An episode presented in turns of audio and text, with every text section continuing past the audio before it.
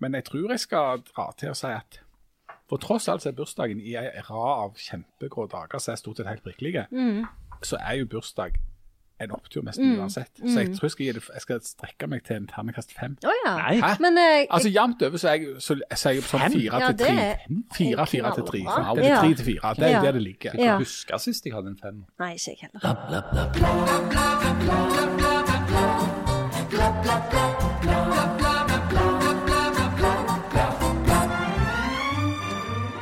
Vil Erna kunne åpne landet før Guns N' Roses kommer, må vi ha vaksinepass for å synge 'Sweet Child of Mine'. Hvorfor hater Harald kjekke ting? Er Janne i live? Hvordan feirer Jan bursdagen sin? Og er det nå så galt å være bitte litt nazist? Det kan jo være litt spennende òg.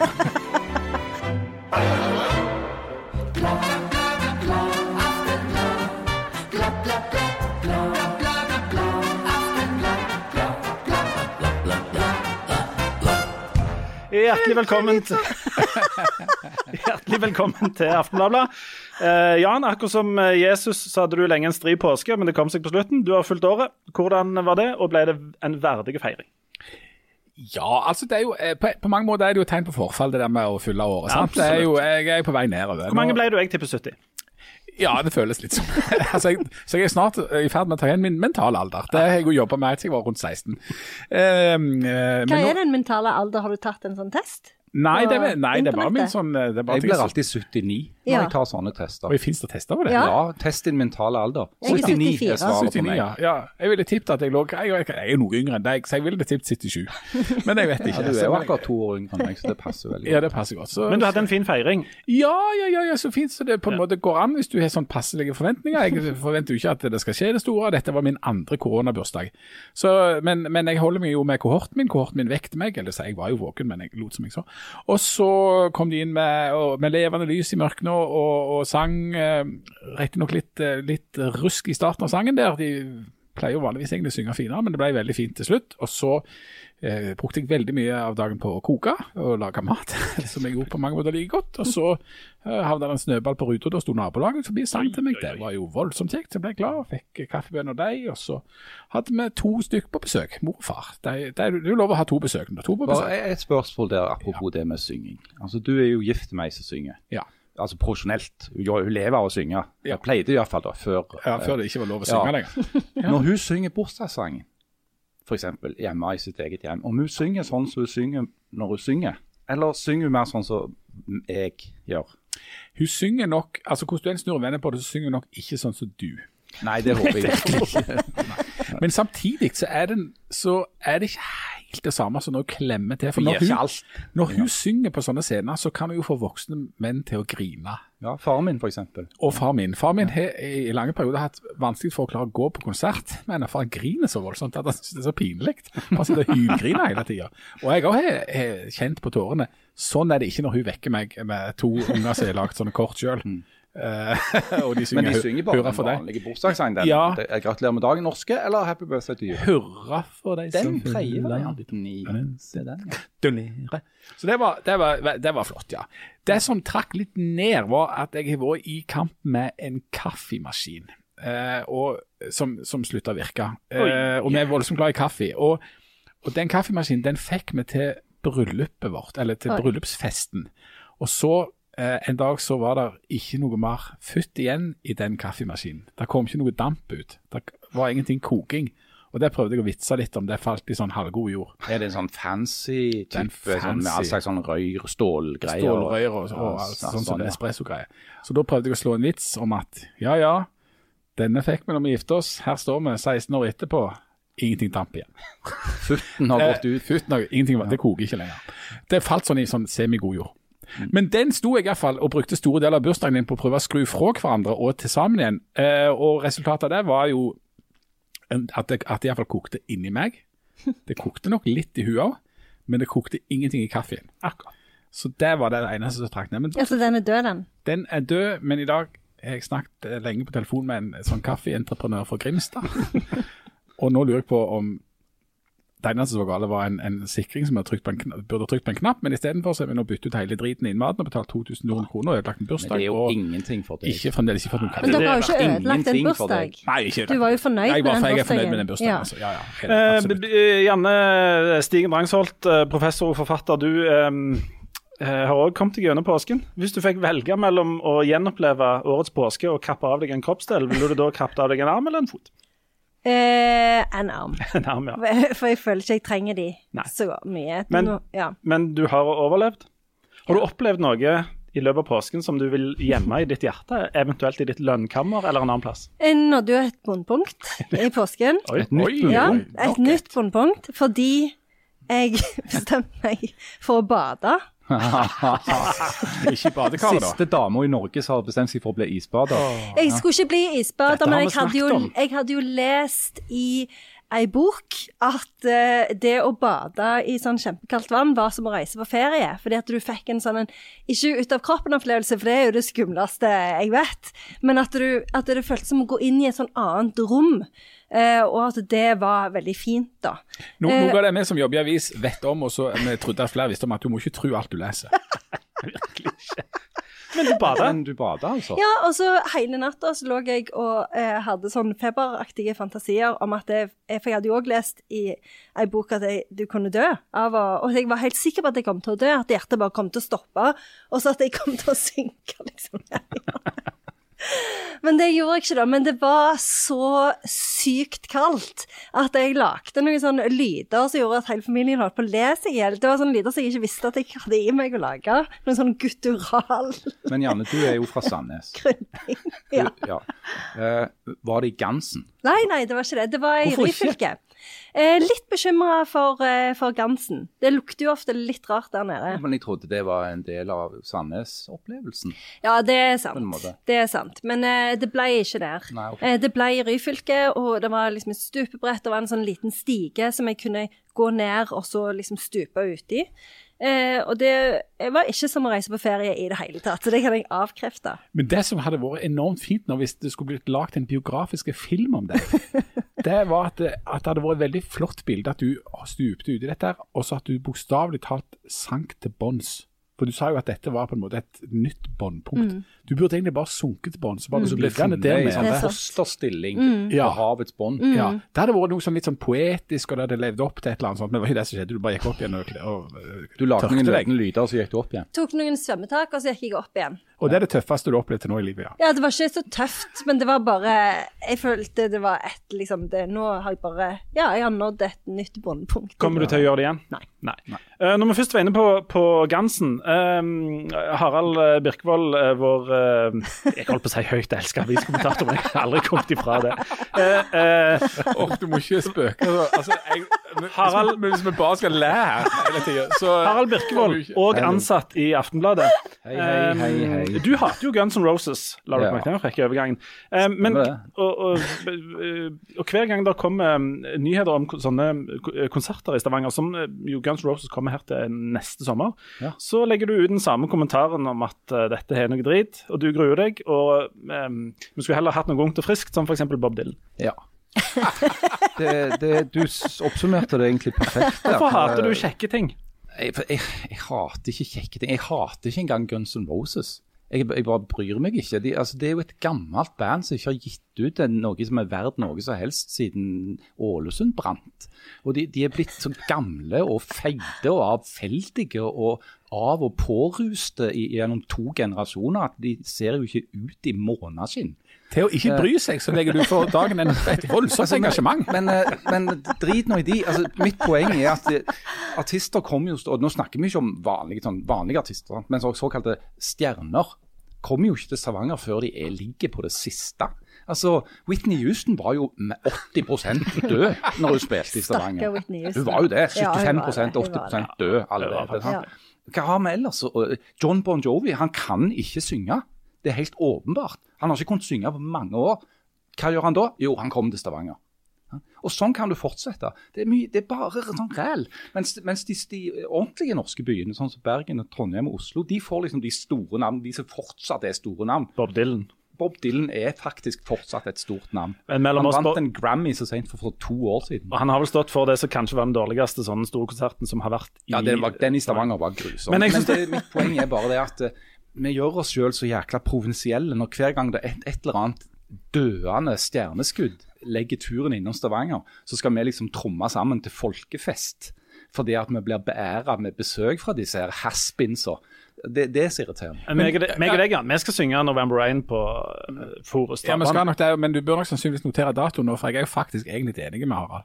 Ja, du er det? Ja, ja. Hæ? Det er det verste jeg har hørt. Altså, ja, jeg, jeg beklager det. Nei, men altså, altså eller, det er jo ikke så, det jo ikke så Jeg tror det blir sikkert en, en, en showdag eh, for mange folk som, som går rundt med sånne brett så du kan ha mange øl oppi og, og sotle og, og synge og har det kjempestas. At det blir folkefest.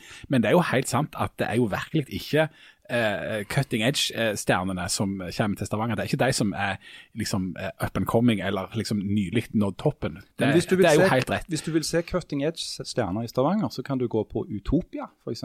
Der kommer det stadig vekk navn som faktisk folk under 40 har hørt om. Hater du de like intenst, eller? Nei, jeg gjør ikke det. Eller du kan dra på, hvis du er interessert i den slags eh, opp Kammermusikkfestivalen eller et eller annet sånt, hvor det faktisk er ja, Til og med Majassen. Altså hvor du kan treffe navn som er ikke på vei ned, men på vei opp. Eh, Sånn at det er ikke helt tragisk. Men eh, det jeg tenker på er de der såkalte stadion folkefest-eventsene som vi har her eh, tid om annen. Der er det mye røl, altså. Men, men du, Leif Tore, du jobber jo med musikk, og du ble jo innkalt til NRK lokal når du skal være sånn ekspertkommentator på, på, på sånn som dette greiene her. Hvordan kan det ha seg at de, at, at liksom, jeg vet ikke hvem som er altså, Hvorfor kommer ikke Metallica og Rammstein og sånt noe til Stavanger, men til de andre norske byene? Mens vi får Kiss og Bon Jovi og, og nå Guns N' Roses. Ja, altså Det skal jo sies da at Guns N' Roses sist gang de var i Norge, så spilte de i Oslo. Hvor tid var det? Eh, I 2018. På Valle Hovin. Solgte 40 000 billetter uten problem. Um, så de, de var jo der. Men eh, dette har jo litt med kjøttvekt å gjøre. Um, altså, eh, De største byene får, får de største artistene først. Men altså for uh, tre år siden så var det altså Justin Bieber som sto på denne travbanen. Der var jeg. Og der var du. Ja, Det men, var så jævlig. ja, men er han stor, eller? Er han, er han, Kjempestor. Han er, Han er jo kjempestor. Det, det, det må vi Og han var jo knapt konfirmert. det har gått litt luft ut av han. eh. Nei, han er, nei, nei, nei. han er jo back. Ja, Han er back Ja, nå, han er back. Men jeg måtte jo dra der fordi at uh, hun som jeg hadde, hadde vært med og lagd, var ikke gammel nok til å gå alene, så jeg måtte være med. Mens du jo var for gammel til å Jeg var egentlig egentlig gå for der alene. gammel uh, til å gå der alene, og hun var for liten. Sånn at vi var et sånt dream team.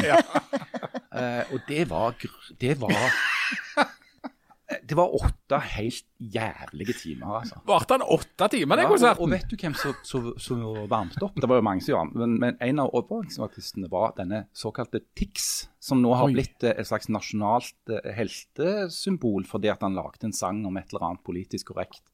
Eh, Det var ikke mye politisk korrekt når han var der, for å si det sånn. Da ba han niåringen min om å bekrefte at du var ei hore. Å, herregud. Så du likte ikke det heller. Det det er et mønster her. Men du Janne, hvorfor, eh, hvorfor har vi sånn anstrengt forhold til disse folkefestene? Altså, En folkefest det- sånn i utgangspunktet kan det ikke være noe mer positivt i at masse folk har en fest sammen.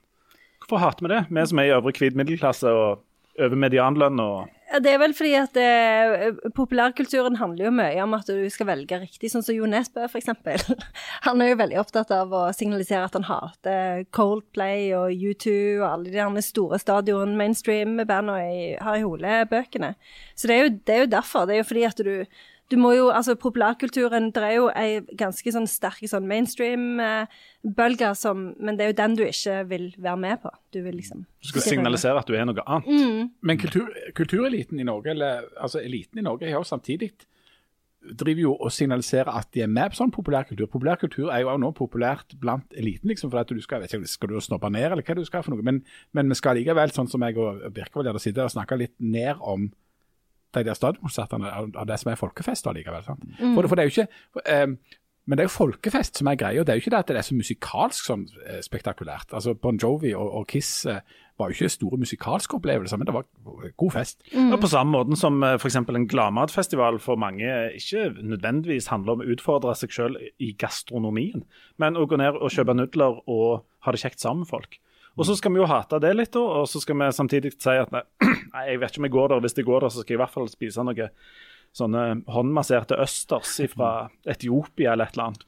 Og så er det jo ganske interessant, for sånn så hvis du tenker på Jo Nesbø-bøkene, så er jo det det, du, det er jo ikke mer mainstream enn det. Han ble jo lest av én sillion mennesker. Men samtidig så skal han liksom understreke sjøl at det, han er et sånn et lite elitesjikt som kan veldig mye, og som velger sjøl, eller har Men, det. men du til som det. er professor i litteratur, du, du, du er jo litt forsiktig med å sette likhetstegn mellom Jo Nesbø og Harry Hole. Ja, ja, det er sant. Det ene er jo en ekte person, Han er jo det. Han er jo det. Han er jo det. Og, og eh, Harry Hole elsker jo ikke eh, Tottenham, for eksempel. Men likevel så har jo skurkene Arsenal-skjorter i den ene boka. Så, Det er men eh, det er hat- viktig, er å, hater, viktig å skille mellom hater Jo Nesbø. Men Ja. jeg tror du var inne på noe viktig der, uh, Lindø, for en gangs skyld. Uh, når du sier Da markerer at, jeg datoen. Ja, bare skriv det ned. Nå har alle vært enige, nå må snart noen være enige jeg, med meg. ikke, jeg sier ikke nødvendigvis at jeg er enig, men jeg sier at han er inne på noe viktig. Det, det, jeg vil, det vil jeg gjerne Skal jeg stryke datoen Ja, stryk du igjen. Uh. Eh, Sett den i altså, det der med at eliten enkelte ganger eh, blir sånn, nesten sånn overfolkelige, eh, er nok et litt sånn norsk fenomen, tenker jeg. Eh, det er noe sånn veldig norskt ved det. At for å bli eh, liksom tatt på alvor, eller, eller bli folkekjær, selv om du er en, liksom, en høyttravende akademiker eller et eller annet sånn, eller mest interessert i, i, i, i eh, afrikansk eh, frijazz, så må du liksom være eh, opptatt av Dolly Parton eh, eller noe sånt. F.eks. feministene i Norge har jo omfavna Dolly Parton noe så aldeles voldsomt. Eh, og inkludert da musikken hennes, ikke bare det hun sier om feminisme, som er faktisk veldig oppegående, men det hun sier altså, du må på en Hun sier jo at du ikke er feminist, blant annet.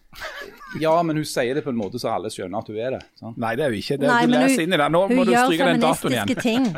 Så Hun blir det er jo det som er forskjellen. Ja, hun blir fortolka av feministene som en feminist, men sjøl sier at du ikke er det. og Hvis du skal ta henne på alvor, så er hun ikke det. Men for å ta er datoen. Nå er vi- ler Endelig er vi uenige igjen. Nå har livet fått mening. Åh, takk og pris. Men et, et annet eksempel på, på det samme. Nå skal jeg ta et godt eksempel på det Nå Harald kaster. Janne jakken.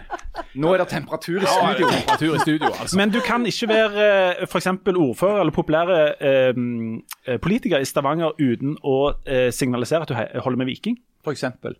Eh, Og Det var et veldig godt eksempel på det dårlige eksempelet som du kommer med med en samme poeng.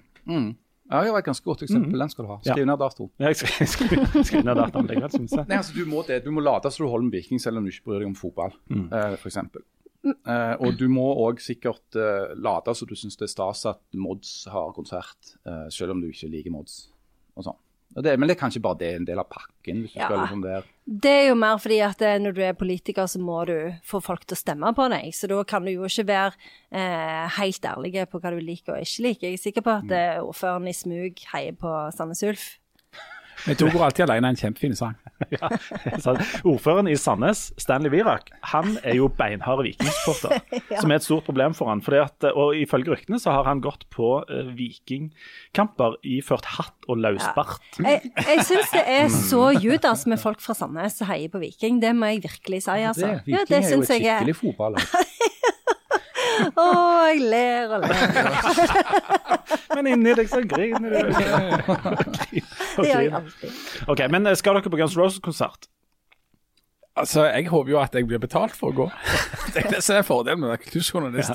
Janne Stigen Drangsholt, er du for professorale til å gå på Guns N' Roses? Nei, men jeg syns det Jeg liker egentlig ikke så godt å gå på konsert, fordi at det, jeg Du er vanskelig å se. det er så enormt vanskelig å se. Ja. Mm. jo Alltid bare rundt noen 1,20. enormt høye som Du kan jo bli sånn ingenting. akkreditert, så kan du få sånn plass på sånn tribune Ja. for professorer og Ja, hvis det er en sånn professortribune. Det er alltid en egen sånn um, for de som er, har uh, rullestol eller eh, professorat. Ja.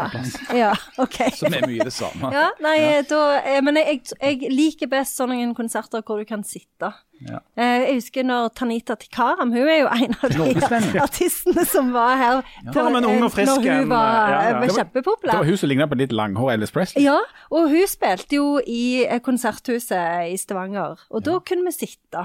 Det var en veldig fin konsert. Men du, Harald, skal ikke gå på konsert? Nei, jeg skal ikke det. Nei, selvfølgelig skal du ikke det. Skal du? Hvis du ja, skal du skal betale- skrive sånn live? eh, Jeg sånn. skal selvfølgelig skal gå på konsert. Ja. Jeg, jeg, jeg, Du får sannsynligvis sånn overtidsbetaling og kveldstillegg. Ja, det Fra et fagforeningsperspektiv. så det er Ja, viktig. absolutt. Og jeg, eh, jeg har jo må jo si det at jeg, noen ganger når jeg er på disse konsertene, så ser jeg rundt meg, så ler jeg, og så tenker jeg det er kun meg og et par andre her som får betalt for det. og det gjør det jo mye greiere. Håper de på scenen får betalt, i hvert fall. Men er det, er det November Rain som er liksom den store allsangsangen? For jeg ville jo trodd at det var City. Paradise City, ja. Er Paradise City. Ja, der, er- der er mange, Ca. halvparten av de sangene de skal spille, kommer til å være sånn allsanggreier. Ja. Resten Dette er et værvarsel for denne konserten. Resten kommer til å være sånn «Hæ? Hva er det? Altså et ræl. Og så er det ispedd masse gitarsoloer for at Axel Rose skal få puste. Og så ehm, håper jo jeg vi får høre ni minutter med November Rain med sånn lyn og torden. Men klarer han å synge lenger, han Axel Rose? For det var jo det store depresjonen Ja. med, Bon Jovi, at eh, han klarer jo ikke å komme opp lenger. Han, Axel Rose kan eh, fremdeles synge, han trenger bare litt pause innimellom. Så det er noen rimelig lange gitarsoloer der han går ut og såkalt bytter klær. Ja. Eh, det gjør han jo ikke. Han trekker seg oksygen. Jeg vet ikke, et eller annet. Men, men, men rapportene sier at det Jeg så et opptak av de i dag, faktisk, når jeg satt på hjemmekontoret mitt på, på YouTube. Ja. Eh, Så, ja, så tenkte jeg bare jeg skulle sjekke om de var så jæklig som jeg trodde. Eh, Så så jeg på et konsertopptak fra i fjor. Og det er helt riktig som du sier. det. eh, Slash kan jo spille gitar fortsatt. Det trenger jo ikke så mye kondis for. Men uh, Axel Rose var et sørgelig skue, altså. Det må jeg si. Han ser jo ikke bra ut, men han høres ikke ut sånn som Bon Jovi gjorde, for det var jo til Ja, tider. trist. Slash har han dette håret ennå? I så fall er det Han har den der hatten, vet du, så ikke godt å si hva han har under der. Det kan være en parykk.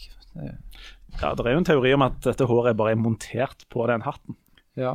Og jeg er for øvrig i markedet for ei skinnbukse eh, om halvannet år, hvis det er noen som har ei. For du skal gå i skinnbuksa, da? Ja, og den forrige skinnbuksa, den passer ikke Men lenger. det, er det er jo ikke så græla korona, så det kan få blitt. Vi sitter nå liksom og så, Noen av oss i hvert fall, og nigleder oss til en konsert om halvannet år. Janne skal ut til Hellas om fem eller seks år, så hun gleder seg sikkert noe enormt. Men du, det er, det er bare en liten ting jeg ville ha tatt opp før vi kommer inn på det som er mer substansielt. Nå har vi brukt mye tid på det. Vi har som- Ja, men jeg, Vi kommer snart til substansen. Ja, ja, sannsynligvis. Eh, Nei, ikke i det hele tatt. Um, fordi at, jeg lurer på på 90-tallet, når du vanka i gospelmiljøet, Leif Tore Linde, hadde du skinnbuksa da? Nei, For, jeg hadde ikke det. Du hadde ikke det? Jeg trengte ikke det. Nei, for det viser seg, og dette kommer til å interessere våre, alle våre seks-sju kjernelyttere, at vi har jo en slags relasjon, vil jeg si, med partiet Sentrum. Som jo er veldig få sannsynligvis har en relasjon til. Men der har vi da på merkelig vis havna i, i en slags klemme der Ja, altså jeg har fått videresendt en e-post, og i den e-posten så, så viser det seg da, som er da sendt av toppkandidaten i sentrum i Rogaland på Hvem, heter stortingsvalget. Hun heter Kom igjen. Lapp. Du har ikke funnet det fram. Jeg har ikke funnet det fram. Jeg det nå. Eh, Så jeg vet, jeg vet hva hun heter, men jeg syns det er litt løye å se deg sitte og svette nå. Jeg kommer ikke til å bidra noe i denne Maria Heskestad Lund. Ja. Hun har sendt eh, e-post. Hun eh, hører på oss. Eh, det er nydelig. Det gjør sannsynligvis alle de sju eller åtte i, i sentrum. Um, og um, hun har fått med seg da, eh, og har skrevet ned at, og har notert seg at hun merker seg at hele redaksjonen gradvis har beveget seg i en mer positiv retning til partiet Sentrum. For at Vi starta med på en måte bare Ja, liksom sånn, å blåse de av og, og liksom sånn Ikke ha-ha. jeg, jeg Og de er klarer ikke like negative. Ja, det er, det er interessant med Det står mye på spill. Ja, for vi, vi, vi, først så sa vi jo at de kommer alle til å klare å samle 5000 eh, underskrifter, det kommer alle til å bli noe av det. Men så har jo da merka seg at vi har beveget oss i, i mer positiv retning. Og hun vil nå bruke anledningen til å minne dere på at Harald i sendinga 4.11. i 2020 sa at han nok sikkert kom til å stemme på partiet. Mens både Janne og Leif Tore sa at de med sikkerhet ville stemme på partiet. Så dere er har? 4. november. Det er bare å gå tilbake og høre. Men det, At motivasjonen var lysten på tatovering og pizza, det er i grunnen en mindre viktig detalj. Poenget er det er bare ett menneske her inne som har integritet, og som, som praktiserer dette med hemmelige valg. og Det det er meg. Jeg er hovedfag i sammenlignet politikk, så det er derfor jeg passer meg litt for sånne ting. Men dere andre har forplikta dere. Ja. Um, hun er litt sånn nervøs med tanke på at hun muligens havner på ting, for hun trives godt på Sandnes, for det er der hun bor. Uh, så hun, hun, hun er litt sånn usikker. Men så, også har hun veldig lyst til at vi egentlig skal snakke om på en måte liksom, sakene til sentrum og sånn alvor og sånt. Det er jo komplett uaktuelt. Vi får se nærmere valget. Ja, vi får se nærmere valget.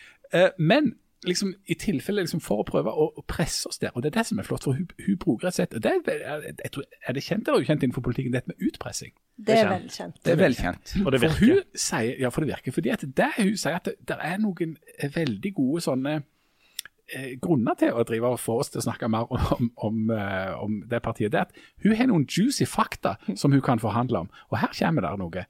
Leif Tore sitt, sitt dametekke på 90-tallet, pluss Hæ? røpe hva slags kallenavn de ga han på denne tida. Hæ? Og det må jo være de som i Kallenavn? damene. Ja, Dette bekymrer meg noe helt enormt. Altså, hva er det dametekket ditt på 90-tallet? Og kallenavn. Jeg kan ikke hu huske The, the Meat Torpedo. jeg kan, jeg, jeg kan ikke i, i på en måte gospel- og bedehusmiljøet ha hatt sånne type kallenavn. For da hadde jeg jo i hvert fall hatt Du ville overraske meg veldig. Ja, ikke sant? Jeg trenger deg i mitt hjørne nå, eh, Janne. Kvikke kanin, var det det? Ja. Jeg har aldri hørt noe kallenavn. Jeg vil gjerne ha avslutta Lubricating dette. Linde. Jeg vil gjerne ha avslutta dette nå. Og Ja, vet vi hva det er? Vet vi Men hva det Leif Tore, er? hva er det du har på deg? Hva, jeg har hva er ikke det du har peiling. gjort? Jeg har ikke peiling. Jeg- Men jeg- var jeg- du en pikenes Leif Tore på 90-tallet i gospelmiljøet? Det er det vi lurer på. Altså, i, i, dette, I disse gospelmiljøene så var det jo sånn at kjønnsfordelingen var noe skeiv. Så det var da snakker jo vi ikke sånn med homofili og sånt. Nei, nei og nei. Det var ingen av dem. Det var ingen av dem. Nei, um, det var mye høna per hane. Så, uh, Ja. eh, så jeg, jeg tror nok dette nok handla mer om uh, utvalget Altså Um, loven om tilbud og etterspørsel, rett og slett, som spilte inn. Altså Lista ble- lista for å være attraktive var vel var nokså lav, vil jeg si. Men pluss at du spilte vel ganske mange instrumenter, litt Jeg sånn halvgodt, og Og det det er jo alltid jo tiltrekkende. Ja. Mm. Uh, og var nok uh, da som nå eh, hadde mer selvtillit enn selvinnsikt, som du òg kom enormt langt med. Men resten av det hun forteller her, det kan jeg ikke svare på. Og det er ikke sånn tenk, at du sitter på bilder? jeg tenker at vi egentlig kan bare droppe oppfølger. dette. Jeg tenker det motsatte. Jeg tenker at eh, vi gjerne vil ha innspill, enten fra Maria sjøl eller fra andre, på hva som var kallenavnet til Leif Tore Linde i gospelmiljøet på Sandnes på 90-tallet. Ja. Jeg tror jeg må revurdere å stemme Parti Sentrum, i hvert fall, hvis det er denne eh, metodikken de har tenkt å legge seg på. Lidderlige Lindø. Lidderlige Lindø. Hvis dere, okay, hvis dere vet noe om dette, så send oss en e-post på nyheter at rogalandsavis.no. Eller et postkort til dere, you know where. Okay. Dere får ta kontakt med Jan hvis dere har opplysninger om dette. Ja, bare kom med sånn innsidegreie. Altså, det blir bare mellom oss. Ja. Helt frem til Jeg ble faktisk litt nysgjerrig sjøl nå, for det er helt åpenbart en del her jeg har gått glipp av. Du, Nå må vi ta en uh, veldig kjapp pause før vi skal gå inn i det som uh, Et slags substans, som vi kaller det. Ja. Vi skal snakke litt mer om korona, sånn som vi pleier. Og hvis vi får tid, så skal vi òg snakke litt om uh, nazisme og sånt. Og er det nå egentlig så gale? Litt, nazis litt nazisme nå, Altså, vel? de som liksom hang med så langt, tenker ja, ja, etterpå, da blir det knallbra. Da er det korona og nazisme. Litt nazisme og og korona, det må vi klare. Vi er straks tilbake.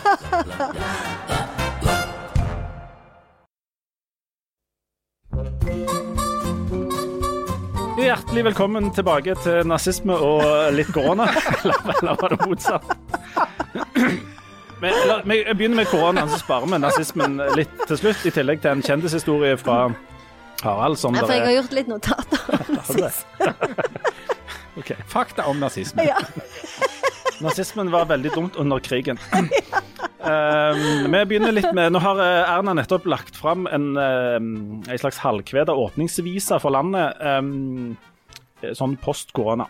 Um, der det var eh, mye sånn hvis og om at, og kanskje, og en mulig brannfakkel. Um, ja, Harald, hva syns du om eh, Erna sin plan for å åpne Norge igjen? Data, ikke dato.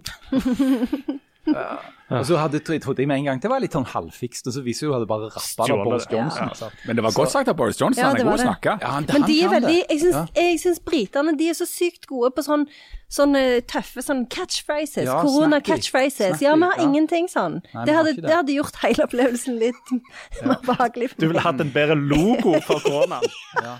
Herlighet. Du skulle liksom fått fram korona sitt purpose og why Ja. på en bedre mm, måte. Mm, Du, planen her er jo altså retorikken, ikke erotikken. Nå, må vi være litt Nå må vi ha litt struktur. Planen, plan til Erna Solberg er å åpne Norge i noen treukers eh, sykluser fram mot sommeren hvis ting går Ja, det etter var noen trinn. Ja. Eh, og så ble det jo en, en rask forvirring da med en gang. For det at eh, regjeringen, altså Erna og Solberg og de andre, de snakker om fire trinn. Mens Folkehelseinstituttet snakker om tre. Og VG skjønte ingenting. Eh, er det fire eller er det tre? Men da ilte Erna Solberg til med en forklaring om at eh, det første trinnet det er at de skal ta vekk de tiltakene som ble innført rett før påske. Det er liksom trinn én. En slags nullte etasje. Du, ja, nullte etasje, den skal vekk. Og så skal du tilbake til situasjonen som var før påske. Det er liksom Men, men kan jeg spørre, da. Er det fra neste uke av? Altså er det etter 14. April? Ja, det er det var planen. Ja. Men så sier de jo da at de må jo se situasjonen an. Og noe annet kan de jo ikke godt si, tenker jeg da. Eh, at De kan ikke si at nei, vi åpner neste fredag samme fanden hvordan det ser ut. De, de kan ikke gjøre det. Og så var liksom budskapet at OK, etter det så skal de vente minst tre uker, se om det tiltaket fører til mer smitte. Hvis de ikke gjør det, neste trinn, osv. Og, og da skal de etter planen da kunne være ferdige en eller annen gang i juni med å trappe ned. Og Dette er jo nokså ukontroversielt og sånn som alle har sett for seg at det skal være. Men så er det òg en mulig brannfakkel oppi dette. Som handler om eh, vaksinepass, eller sånne koronapass. Ja. Og da begynner vi å nærme oss eh, noen interessante grenseoppganger med eh, hvor mye frihet hver enkelt av oss skal ha for egen og felles helse og sånt. Um, Det slår jo ikke akkurat an i Norge, nei. eh, likhetslandet, at noen skal gå rundt med et slags sånn en gyllen fjær, som betyr at de har fått to doser og kan gjøre hva de vil. Eh, og, og det kommer også til å bli sinnssykt vanskelig til å administrere et system, tipper jeg, hvor noen skal kunne uh, liksom ha mer frihet enn andre. Uh, Men hvis vi holder oss til, til prinsippet, er det, er, synes du det er riktig at noen, de som er vaksinerte, skal få lov å gjøre en del ting som de som ikke er vaksinerte, ikke får lov til? Altså, jeg vet- ja, kanskje. Altså, hvis det f.eks. er snakk om å reise, da. Si du er over 75 år og har fått begge dosene dine og har lyst til å dra til Spania, og Spania sier det er greit, du kan få komme hvis du har vaksinert deg. Så tenker jeg ja, ja, hvorfor ikke? Jan? Jeg tror også jeg vil være heller eh, pragmatisk enn så voldsomt prinsipielle på det. For det blir himla dyrt hvis du skal være så prinsipielle. Når eh, økonomien i Norge er jo godt bedre enn veldig mange andre plasser, men det er store sektorer som har blødd og blør noe voldsomt. Bl.a. både reiseliv og restaurantbransje og uteliv og kulturbransje og det ene med det andre. Og at da alle skulle sitte hjemme eh, og vente til at det var liksom fem millioner vaksinerte før vi begynte å ta i bruk butikker, restauranter, reisetilbud. Bare fordi vi skulle være prinsipielle og, og, og likestilte, eller like på en sånn nærmest kinesiske måte. Det er, er, er tull. Men det betyr vel at barnefamiliene er de som aller sist får gjøre noen ting som helst. For det er jo ingen barn som får eh, vaksine, og barn kan jo, er jo de farligste smittebærerne som finnes. Pluss de synger jo hele tida, så de er jo dobbelt så farlige. Jeg Vet ikke hva slags barn du har. De synger og hoster. Ja, Det de gjør jo det. Og, men ungene har jo også, er jo òg belemra med foreldre i den alderen som står sist i køen. Ja, så det at barnefamiliene kan jo Det blir jo Altså, trinn fire er jo etter jul en gang. Og, og, der er, 2022. og, og der er det jo en slags ironi, og jeg ser jo den, og spesielt når nå snakker om at det er barn og unge som er noen av de som har på en måte lidd mest under denne eh, pandemien, at det blir litt sånn en eh, halvgod smak i munnen hvis da disse barn og unge som har lidd så voldsomt, eh, da begynner å se at de som er over 50 begynner å reise rundt og gå på jeg, festival og reise til Spania og så gå på grisefest og alt det greiene der. Men, men samtidig er det jo sånn at eh, barn og unge blir jo altså ikke eh, vaksinert nå i første omgang, for det første fordi at de ikke har testa ferdig om vaksinene fungerer på dem, men det holder de jo på med, så planen er jo å, å gjøre det. Men så er det jo framfor alt at de blir jo ikke så veldig syke, eh, sånn at de tåler det jo bedre da. sant? Sånn at eh, vi, eh, vi vil jo måtte leve med at det vil være smitte blant barn og unge veldig lenge framover, men vi kan ikke ha hele samfunnet på bråstopp eh, fram til det. Og, og Hovedtrekket nå i, i denne åpningsprosessen er jo igjen da at de sier at de prioriterer barn og unge. Altså, det store målet er å holde så mye som mulig i gang for barn og unge, på tross av at det er smitte der, og på tross av at det ikke kommer til å være vaksine der på ganske lenge. Vi har jo mer smitte i Norge nå enn vi ville hatt hvis, ikke, altså hvis skolen hadde blitt stengt. Eh, og Det er jo en, en omkostning vi som samfunn har sagt at vi er villige til å ta. For det at vi skal ikke utsette barn og unge for mer belastninger enn vi absolutt må. Eh, og så må vi jo ikke glemme dette her gode gamle begrepet flokkimmunitet. Fordi at hvis tilstrekkelig mange av oss, uansett hvor gamle eller unge vi er, har blitt vaksinert, så går det an å lette opp, fordi at da er motstandskraften i befolkningen samla sett så høy at du ikke får de der toppene som overbelaster helsevesenet. Så det er lett, eh, det er fullt tenkelig og helt realistisk at det blir åpna opp før alle er vaksinert. Jan, er du villig til å sitte hjemme en seks-sju måneder til gjerne for, for at eh, pensjonistene skal fly til Spania og ungene skal få springe vilt på fotballtreninger? og? Ja, jeg er ikke det, eh, Pensjonistene syns jeg ikke så enormt synd på. Men jeg syns, eh, jeg syns synd på ungene. Ja, men, Så jeg vil, gjerne, jeg vil gjerne gjøre det for de, og nå, eh, her i distriktet så har det jo vært en god del ventekarantene eh, de siste ukene, og da er det jo sånn at det, eh, nå har jo det kommet en sånn en trøtthet i systemet, virker det på som meg, så det, at det er jo ingen som får noen sånn oppgaver fra skolen når de er i ventekarantene, i hvert fall ingen av mine barn har fått det. Da blir de bare sittende og lurer på hva de skal gjøre, så går de glipp av to uker med matte eller hva som helst. Så, så, så det er kjempeviktig. Det er pri første pris, syns jeg. Jeg tenk, Hvis du har en tiåring hjemme nå, så har vedkommende da levd med koronarestriksjoner en tiendedel av livet sitt. Mm. Uh, mens jeg har under, under 2 altså, av mitt liv. Uh, så, så det gir deg jo en litt sånn perspektiv på altså, hvor uendelig lenge dette er for barn og unge. Å å være altså, i en sånn periode av livet hvor, hvor liksom en, to måneder virker superlenge. Mm. Du, altså, det var en veldig interessant debatt her på, på Debatten her denne uka, der Fredrik Solvang og NRK hadde drevet med dette med prosentregning. Og, 0,05. ja. og jeg lurer på om du gjorde akkurat samme feil nå. Altså dette med journalistertall. Hvis du har levd 2% av livet ditt, som er ett år da Ja, det blir rett allikevel. Jeg, jeg kom akkurat fram til at du, var 100, at du hadde blitt 100 år. Jeg, er- jeg stol- jeg stoler 110% på de tallene her, og da har jeg lånt fra tieren. Det vil jeg bare nevne. Du sånn strek Jeg hadde rett Du må jo dele på 2 100. av noen og 50 Ja, det er sant, det. Du Men, men det finnes altså uh, Folk som går i første og andre klasse nå, har jo ikke opplevd en skole Nei. uten. De må jo på et eller annet vis uh, nærmest lære å leve på, i alle fall i sånn skolesammenheng, til en viss grad på ny. Um, men, det, men dette koronapasset, eh, hvorfor er det så omstridt at, noen, at de som er vaksinert, muligens kan få noen, noen fordeler? Er det så omstridt? Ja, det er ganske mange som, som mener at, det, at da begynner vi å nærme oss en slags vaksinetvang, f.eks. Ja, og, og i Danmark har det jo vært Flott. demonstrasjoner mot uh, dette koronapasset. Du tenker det er flott at Jeg syns det er flott at, at folk føler press til å vaksinere seg. Det syns jeg ikke er noe dumt i det hele tatt. Nei. Det, Det, det, det, det, altså, det, det, altfor lite gruppepress. Altfor lite gruppepress. Altså, eh, det er, dette er noe vi er sammen om. Altså, altså hele, hele samfunnet må gå sammen om å klare å få opp noe gruppeimmunitet. Og Det betyr at for, en del av dugnaden er at folk stiller opp og vaksinerer seg. Ikke, ikke nødvendigvis ja, altså om du, altså, Der må du stille opp for fellesskapet, rett og slett. Hvis, ikke, hvis vi ikke får vaksinert oss og får gruppeimmunitet, så går jo ikke dette over. Og jeg tror, jeg tror, eh, jeg tror ikke det er mange som, eh, som eh, jeg tror, ikke, jeg tror ikke det er veldig kontroversielt med vaksinepass. Det er muligens noen veldig få, noen ganske marginale grupper som er veldig skeptiske. og De, det, altså de, de kan jo ikke tvinges til slutt, men jeg syns de bør gjøre det for det. Og så får vi håpe at de er så få at man likevel har gruppeimmunitet. Det er jeg dessverre 100 enig med deg. Oi! For, for meg, jeg jeg også, altså det, det er toppen av egoisme i mitt hode å sitte og si at hvis, Med mindre du har veldig gode medisinske grunner til å ikke ville ta vaksinen. Det er jo noen som har det. Altså at legen din forteller deg at du bør ikke ta den? Du bør ikke ta den for du er i en eller annen risikogruppe. Hvis du ber- Bare fordi at du tenker at nei, det får noen andre ta seg av. Eh, da har du på mange måter meldt deg ut av samfunnet, da.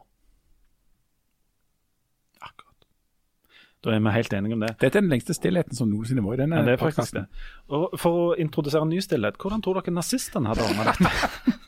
Hvordan, om de hadde tatt vaksinen? Nei, altså hvordan de hadde organisert Du kan si altså, Jeg tipper, jeg tipper de hadde kommet opp med en endelig løsning Å nei, nå må for, denne, eh, for dette, dette viruset. altså du, ja, du kan si mye, mye stygt om nazistene. Sånn begynner alle gode setninger. Men de var gode til å organisere. Um, Bygde voldsomt mye vei. Og vi hadde hatt jernbane rundt jorda ikke bare én gang, to ganger. hvis de hadde... Det, Det er alltid, alltid en utfordring å skape sånn glidende overgang til litt Du, er kjempe, du gjør en kjempejobb. Ikke sant? Ja, tusen takk.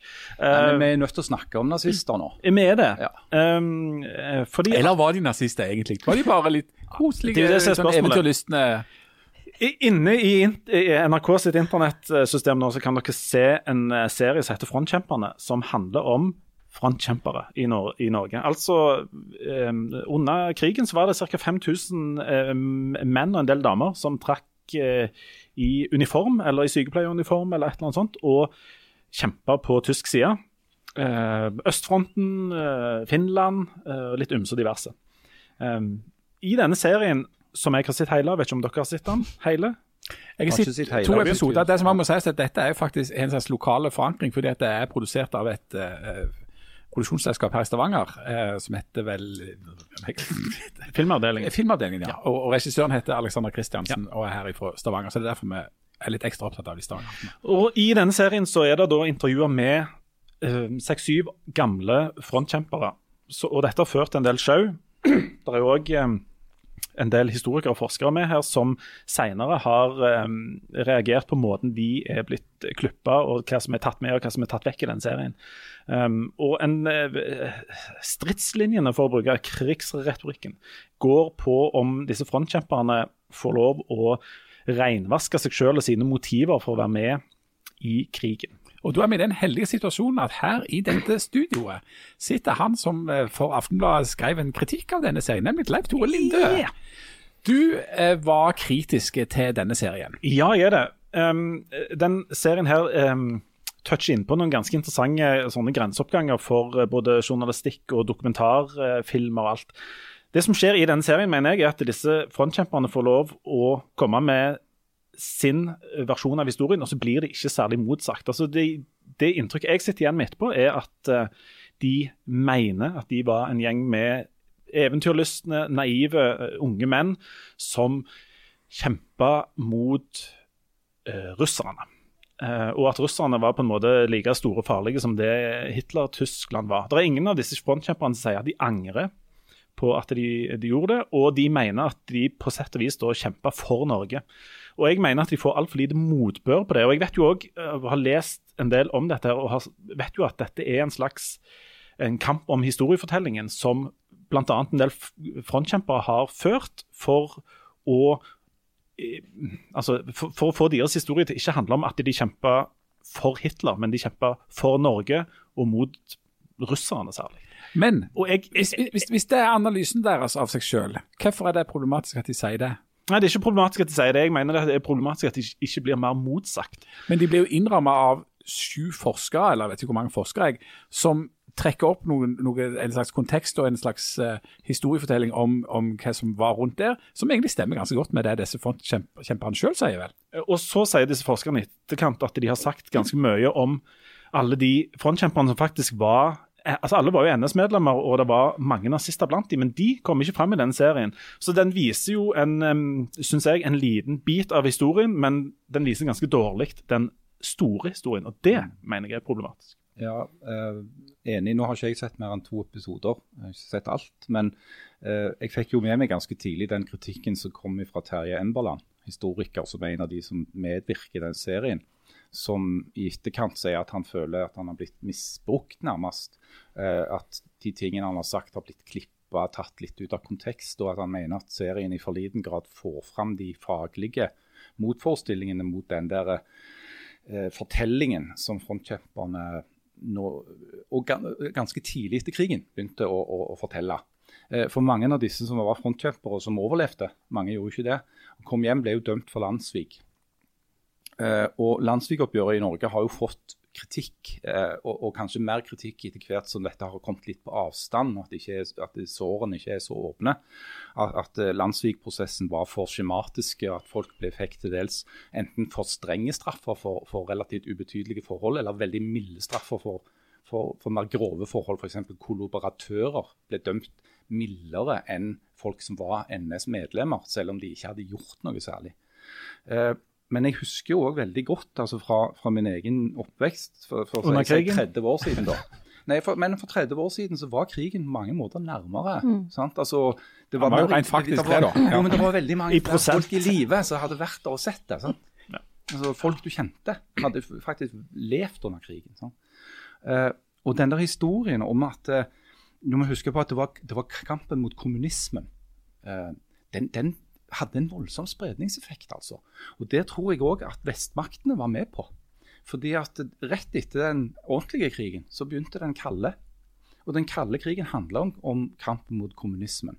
Og det var mange som sa den gangen at det var søren òg at ikke de bare fortsatte fra Berlin mot Moskva sant? for å ta Stalin umiddelbart etter krigen når han var svak, istedenfor å vente til han fikk atomvåpen og de ikke kunne gjøre det. Så dette var jo en del av en sånn stor globale fortelling òg, der en del av disse frontkjemperne og gamle nazistene nærmest ble rehabilitert. Ja. Tenk, på Men- men- men- de, men altså- tenk på alle de nazistiske forskerne som begynte å jobbe for Vestmakten f.eks. Ikke minst med utviklingen av atomvåpen. Men kampen mot kommunismen og kom kommunistene var jo, er jo en av forklaringene bak av at en del frontkjempere ble frontkjempere. Altså, det er jo ikke det at det ikke har noen som helst forklaringskraft, men det er jo eh, flere for, eh, typer forklaringer og mange grunner til at folk gjør det. Jeg har òg bare sett to episoder, jeg har ikke sett hele serien. Og jeg reagerte ikke så voldsomt til nå. Jeg syns egentlig at det liksom Ja, OK. Altså, de, de snakker eh, De skulle gjerne ha blitt motsagt mer sånn direkte i selve intervjusituasjonen, som er litt mer sånn Nesten litt sånn intervjuteknikk eller journalistisk. Eh, vise fram hva er på en måte spørsmålet, at du konfronterer dem og sånn. Så det der, men jeg syns det er journalistisk interessant og det er historisk interessant at en får høre ifra frontkjemperne sin egen munn hvordan de ser på seg sjøl.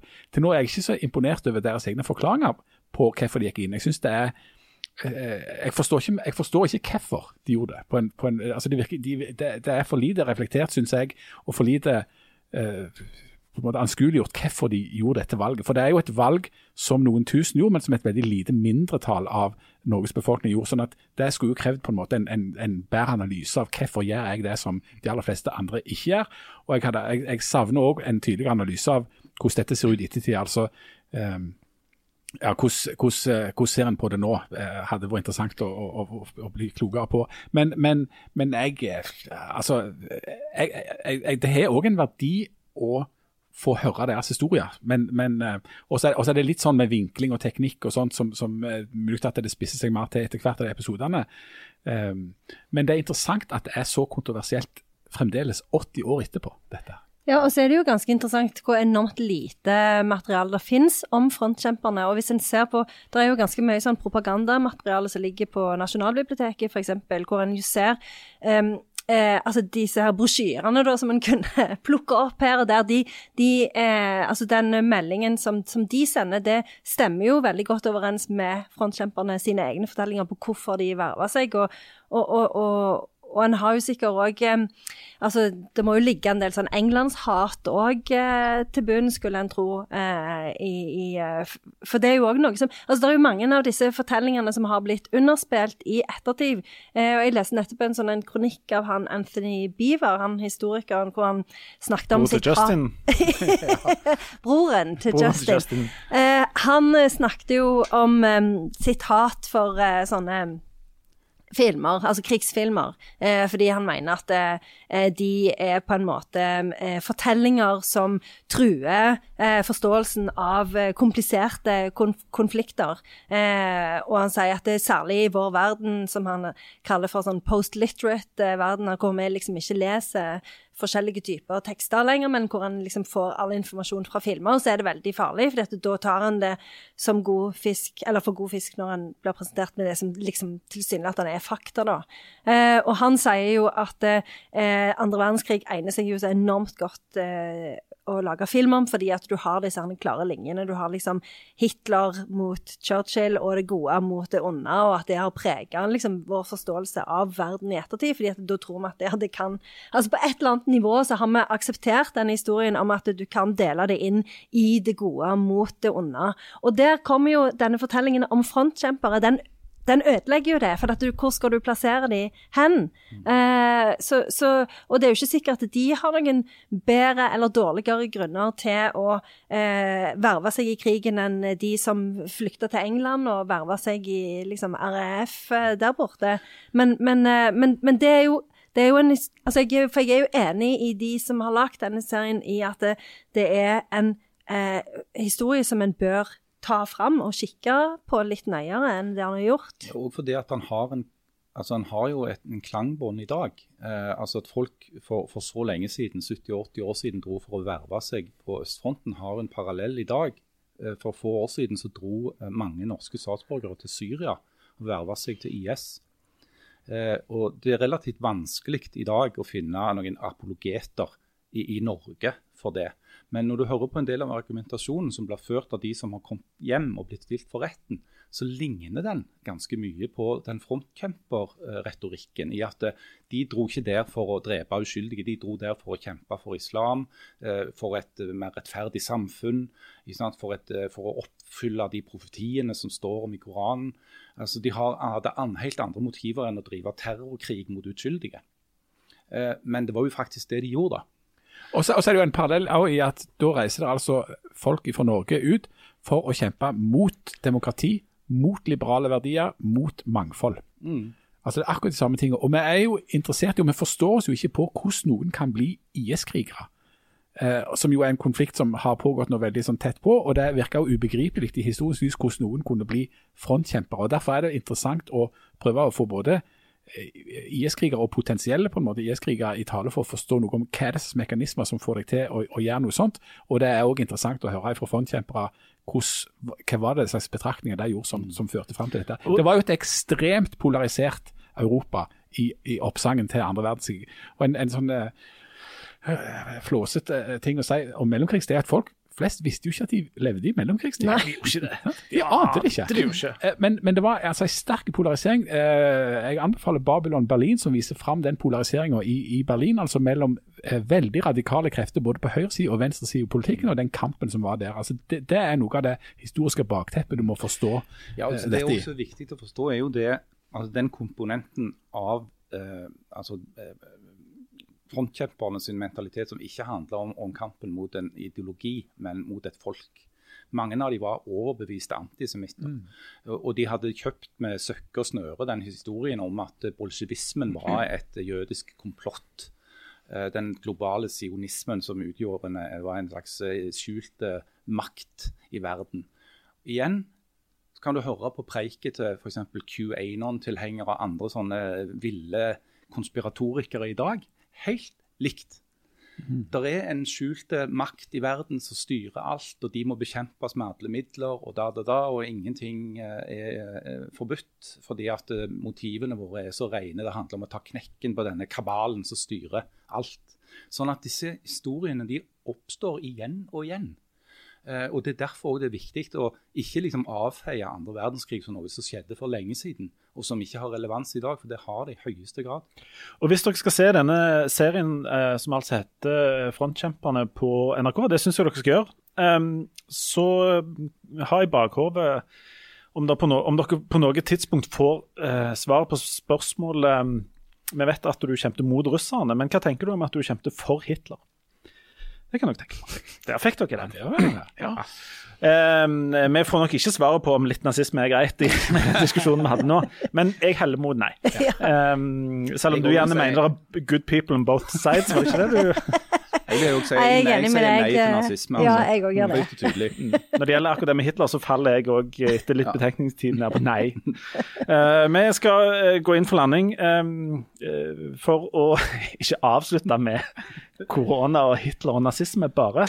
Så skal vi overlate scenen til Harald. Du har en krampaktig kjendishistorie å fortelle, og du har bedt oss å si til folk at de, de må, nå må de fjerne uh, unger som ikke er konfirmerte, uh, og folk som Uvaksinerte barn. Som ikke er vaksinert. um, er, er det en, en, en, historie som inneholder noe nazisme på noe vis, eller på ingen måte. andre problematiske ting?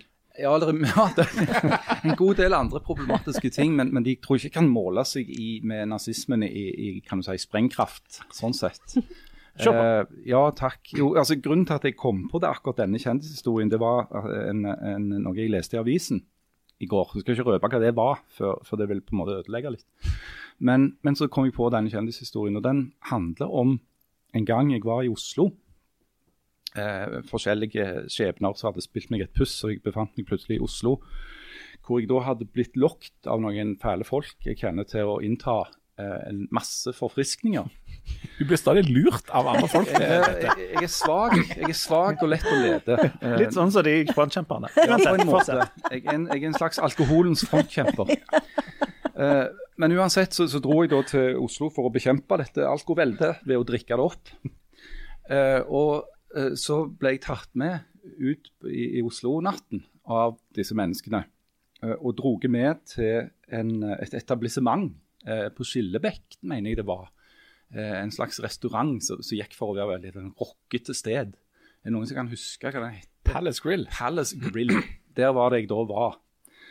Eh, ikke- Rockekokker hadde de der. Du fikk ikke bestille noe, du bare kom og så bare ga de deg Ja, det, det, de det var sånn du kom, og så, så var det sånn det, alt etter dagsformen så fikk du noe mat. Eh, Og det var ofte bra. Jeg har vært der noen ganger, og det har alltid vært helt OK, liksom. Men kokkene er litt fulle, og du er litt full, og, og sånn og sånn. Og så satt vi der, spiste og drakk enda mer. Og, og ble veldig, veldig lystige til sinns. Eh, og en av oss, jeg tror ikke det var meg, ble oppmerksom på at eh, ved bordet Vi var bare gutter. Bordet ved siden av, bare jenter. Mm, fin kombo der. Eh, så det ble noen greier, noen tilnærmelser ble gjort. Du ble jo Eh, sannsynligvis gift med en av de. Vi skal ikke forskuttere den. Antageligvis med, antageligvis med flere av de, hvis vi regner en litt periode. Tilnærmelser ble uansett gjort. Eh, og sånn og sånn, og vi ble etter hvert enige om å, å trekke over i baren. Så lå på liksom andre sida av et slags portrom. Eh, da Skaugum. Skaug, heter baren Skaugum? Altså uteservering vil det hete iallfall Skaugum. Ok, ja, Vi satt nå i hvert fall inne i denne baren, jeg tror det var vinterstid. Eh, og herja og, og, og skålte og drakk og, og flørta litt eh, forsiktig med disse damene da, det, som hadde vært på det andre bordet. Og Jeg ble sittende da og snakke med, med en av de ganske lenge. Dyp, dyp samtale. Eh, huskes dessverre svært lite av det. Eh, hvor jeg da plutselig blir oppmerksom på at eh, det er politi til stede. Som det er i de fleste av disse historiene dine. Ute i, i det der mellomgangen mellom liksom, spiseplassen og drikkeplassen, så står det en sånn sivil snut, fordi at du kunne se han hadde sånn der greie bak øret. Så jeg satt stusset litt på jeg skal si. Og hvor jeg da plutselig ble oppmerksom på at hun jeg har snakket med nå i to og en halv time, det var uh, Märtha Louise. Du kjente ikke igjen litt Louise? Milde Moses. Märtha Louise av Norge. Ja. Ja. Eh, Men hun, hadde, sikkert- hun var litt løgn på håret. Det var noe et eller annet jeg kjente henne i hvert fall. Jeg, jeg, Å ja, hun var løgn på håret. og Hvorom det allting er, så viser det seg at hun hadde satt og snakket med Märtha Louise ganske lenge. Hun kjente ikke igjen deg heller, det må nevnes. Men når jeg da ble oppmerk- oppmerksom på det, så gikk det helt i stå. Jeg fikk liksom ikke til, jeg klarte ikke å opptre naturlig lenger. Så, så jeg, jeg måtte bare trekke meg rolig tilbake. Så det ble ikke noe mellom dere to. Nei, og Grunnen til at jeg kom på dette, det var at jeg leste at nå skal hun flytte til USA. Så tenkte jeg herregud, da kan jeg endelig gå på Palace igjen. hvis de fortsatt fins. Men hvorfor kunne du ikke gå på Palace igjen? Hvorfor, uh, hvorfor hva var det? jeg føler det har skjedd noe mer uh, som du ikke, du ikke forteller om nå. Du, Nå er vi egentlig litt på overtid, men å snakke med sånne folk er ikke så lett. Men Har ikke jeg fortalt om dette før? Jo, og det er en av mine absolutt favoritthistorier. Jeg tror Har vi, du òg snakket med jeg tror vi tar uh, Jan sin òg før vi gjør oss. Jeg har fortalt om at når vi hadde livesending Når, når de åpner opp samfunnet da må vi ha live Ja, det skal vi faktisk ha. Ja. Men uh, det er lenge siden, det var et fagert minne. Eh, jo, nei, altså. Jeg eh, ble en gang, eh, mens jeg bodde i Oslo, eh, invitert i eh, 30-årslag til en kompis av meg. Og så det var det god greie det, så jeg gikk nå der. Og så eh, var det sånn at de skulle liksom arrangere hvem som skulle sitte til bords med hverandre. Da liksom, jeg ble plassert da. Og da var det sånn at de som skulle sitte til bords, de, måtte, de tok de sånne polaroidbilder av. Så jeg ble plassert i lag med, eh, med et menneske, og så ble det knipsa et polaroidbilde som jeg fremdeles har he- heggende hjemme. Og så setter jeg meg til bords. Og det var eh, et hyggelig bordsete. Og jeg satt og drøste, og hun drøste, og vi åt og vi drakk, og det var god stemning og i det hele tatt.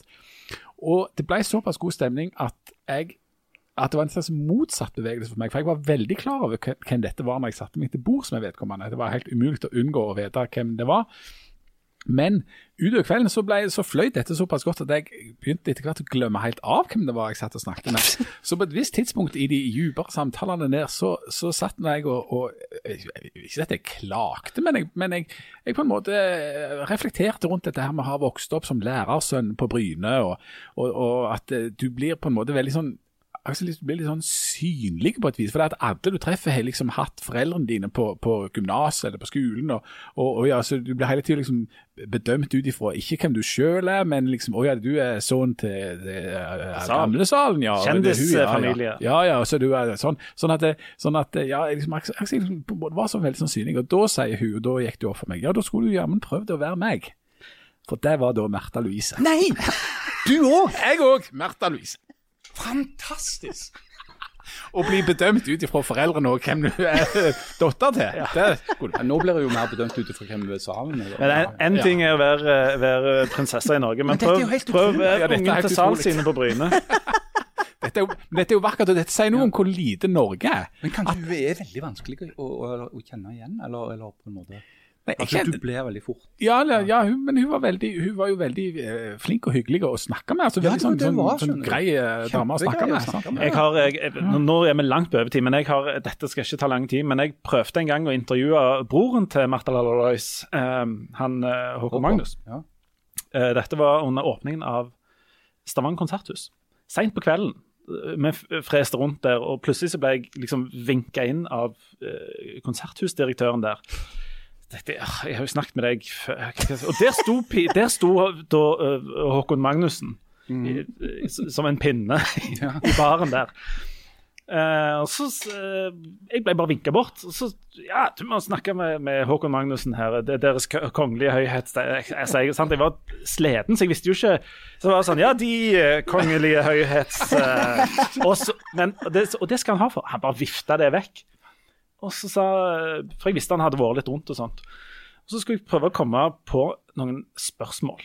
Og når du står der og du har en blanding av en kongelig person og en som bare virker veldig vanlig, så har du jo ikke lyst til å stille sånn Ja, hva syns Deres Kongelige Majestet Høyhet om, uh, om Stavanger konserthus? du kan jo ikke det. Nei, du kan ikke det. Så jeg leita enormt langt bak i hodet etter å finne noe. Så visste jeg at han eh, var interessert med surfing, så jeg tenkte jeg skulle prøve liksom å ise veien inn og bare få han til å si et eller annet. Og så ville han sikkert komme med det der han, som han måtte si. Men hvis jeg kunne slippe å spørre, så var jeg veldig takknemlig for det. Men det endte altså opp med at eh, jeg spurte ja, har du Deres Kongelige Majestet, høvding, vært ute i de kongelige majestetiske eh, bølgene? Surfet eh, noe i Deres Kongelige Majestet, mann. Uh, nei, det stokte seg helt. Han, han humra, og så sa han ja, han hadde vært ute litt. Og så spør, stiller han da spørsmål tilbake. Surfer du? Der jeg svarer ja. Jeg kan jo ikke annet. Når deres uh, kongelige kongelige sønnhet, uh, kronprinsesse Märtha Lalois, står der. Så jeg sier ja. Og du har aldri surfa en meter? Aldri, kunne ikke tenkt meg det. Aldri surfa. Men nå har jeg sagt ja, så må jeg jo stå for det. Ja, ja. klart det. Og så begynner han med et slags kryssforhør der om hvor jeg surfer. Så sier han ja, for han kjenner jo de der jærstrendene inn de og ut. Så sier han ja, Han hvor, eier de jo. hvor surfer, hvor eh, pleier du liksom gå? Det er jo ikke, altså, de snakker om dette i miljøet, men de sier ikke så mye til folk utenfor. Der jeg bare hører meg sjøl si nei, altså, vi pleier å gå litt sør av Vigdel. Litt sør av Ja, hva er det helveste? Jeg har ikke peiling, jeg har jo knapt vært. Og på det tidspunktet så begynner hjernen å skru seg på igjen. Uh, og jeg, jeg, tenkte, jeg tenker på én ting. Jeg må jo komme meg vekk. Eh, så jeg eh, Litt sør av Vigdel der så finner jeg ut at jeg må vekk. Og der, der han eh, nok oppdager Altså Han ser nok at dette er i ferd med å gå i, stå, og, og kommer med en liten sånn remse med flott og Stavanger konserthus og, og verdensklasse og bla, bla, bla. bla. Jeg not, later seg notere, men jeg bare fører jeg pennen fort fram og tilbake sånn. Og så eh, tenker jeg nå må jeg gå. Så da sier jeg tusen takk, deres hjertelige konge. Og så bare later jeg som jeg får et lite sånn hosteanfall, snur meg og går. Så hvis Han husker skal sikkert det intervjuet ennå. han gjør nok det, eh, men han ville nok aldri sagt det høyt, for de er jo så høflige. Og, eh, men hvis du vil treffe han, så vil jeg anbefale noe sør av Vigdel, for der har jeg anbefalt han å gå. Ja. All right, det var det. Uh, skal vi takke for oss? Ja. Beklager at dette ble så langt. Ja, det ble litt vi langt. Beklager det, altså. Eh, vi er tilbake om en uke. Da skal vi prøve å få dette gjort på kortere tid. På den andre siden, når du sitter og snakker og er i godt lag, du, du må jo bare snakke i vei. Husk å sende postkort. Ja. Folk, folk har jo ikke så mange å snakke med, så de kan høre noen andre Nei, er snakke. sant. Send gjerne postkort, men uh, jeg, vil anbefale, jeg vil ikke oppfordre til å grave en ny fortid på 90-tallet. Men, men jeg. jeg, kan jeg si at jeg har stått i, bak uh, Håkon Magnus i køen i en sånn pølsebu en gang. Oi. Ja. Oh, ja. Det var så nærme du kom. Det var så nærme Ja, var ikke det ganske husker, nærme? husker du hva han skulle ha? Jeg skal ha pølse. med Pølse ja, med med rød saus og Danmark. Ja. Hæ? Nei, det var, det, var i, det var i Kristiansand på den der festivalen. Hva heter det? Kvarten, ja. Mm, mm, Med rød saus, ja. mm. Betaler med et hundrekort. jeg har, et, med jeg, jeg har en apropos-historie der òg, veldig kort. I Legoland så ble jeg stående i, i sånn kø. Og der, i, I Danmark har du egne navn på alt mulig. Så, så vi sto og så på menyen der, og der var det sånne ting. Sånn to indianere i sovepose. Så- og du kunne antageligvis bare betale med sånn dankort.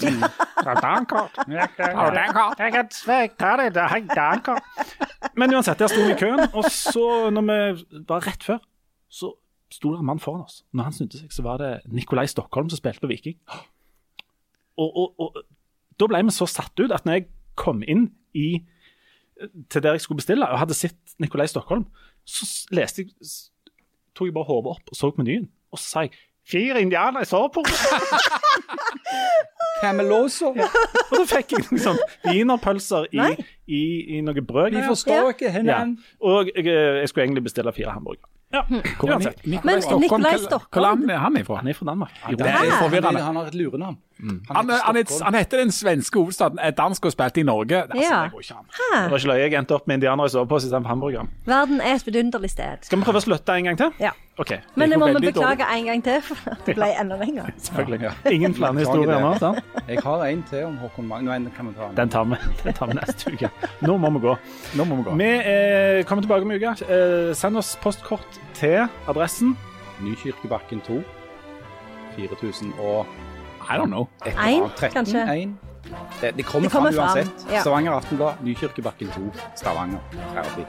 Så snakkes vi om en uke. Ha det godt. Ha det. Ha det. Det var, det var god stemning. Og vi hadde Det var du som kjøpt lagde maten. ja, ja, ja, ja, alltid maten. Og så hadde jeg til meg kjøpt en litt dyr rødvin som Ingvild Tenfjord Ja. hadde anbefalt til ja. lam, som var, som var god. Hvor mye er igjen av den? Nei, det er bare litt, eller bare sånn en liten, godt ei halv flaske. Ja, ja. Det, er veldig Det er trist. trist. Det er veldig trist, ja. At Men du ikke klarer å få drukke mer. I, altså, det, hvis det er noe de aller fleste nordmenn klarer nå i denne tida, Ja. så er det å Ja, det drikke mer enn det står at du bør.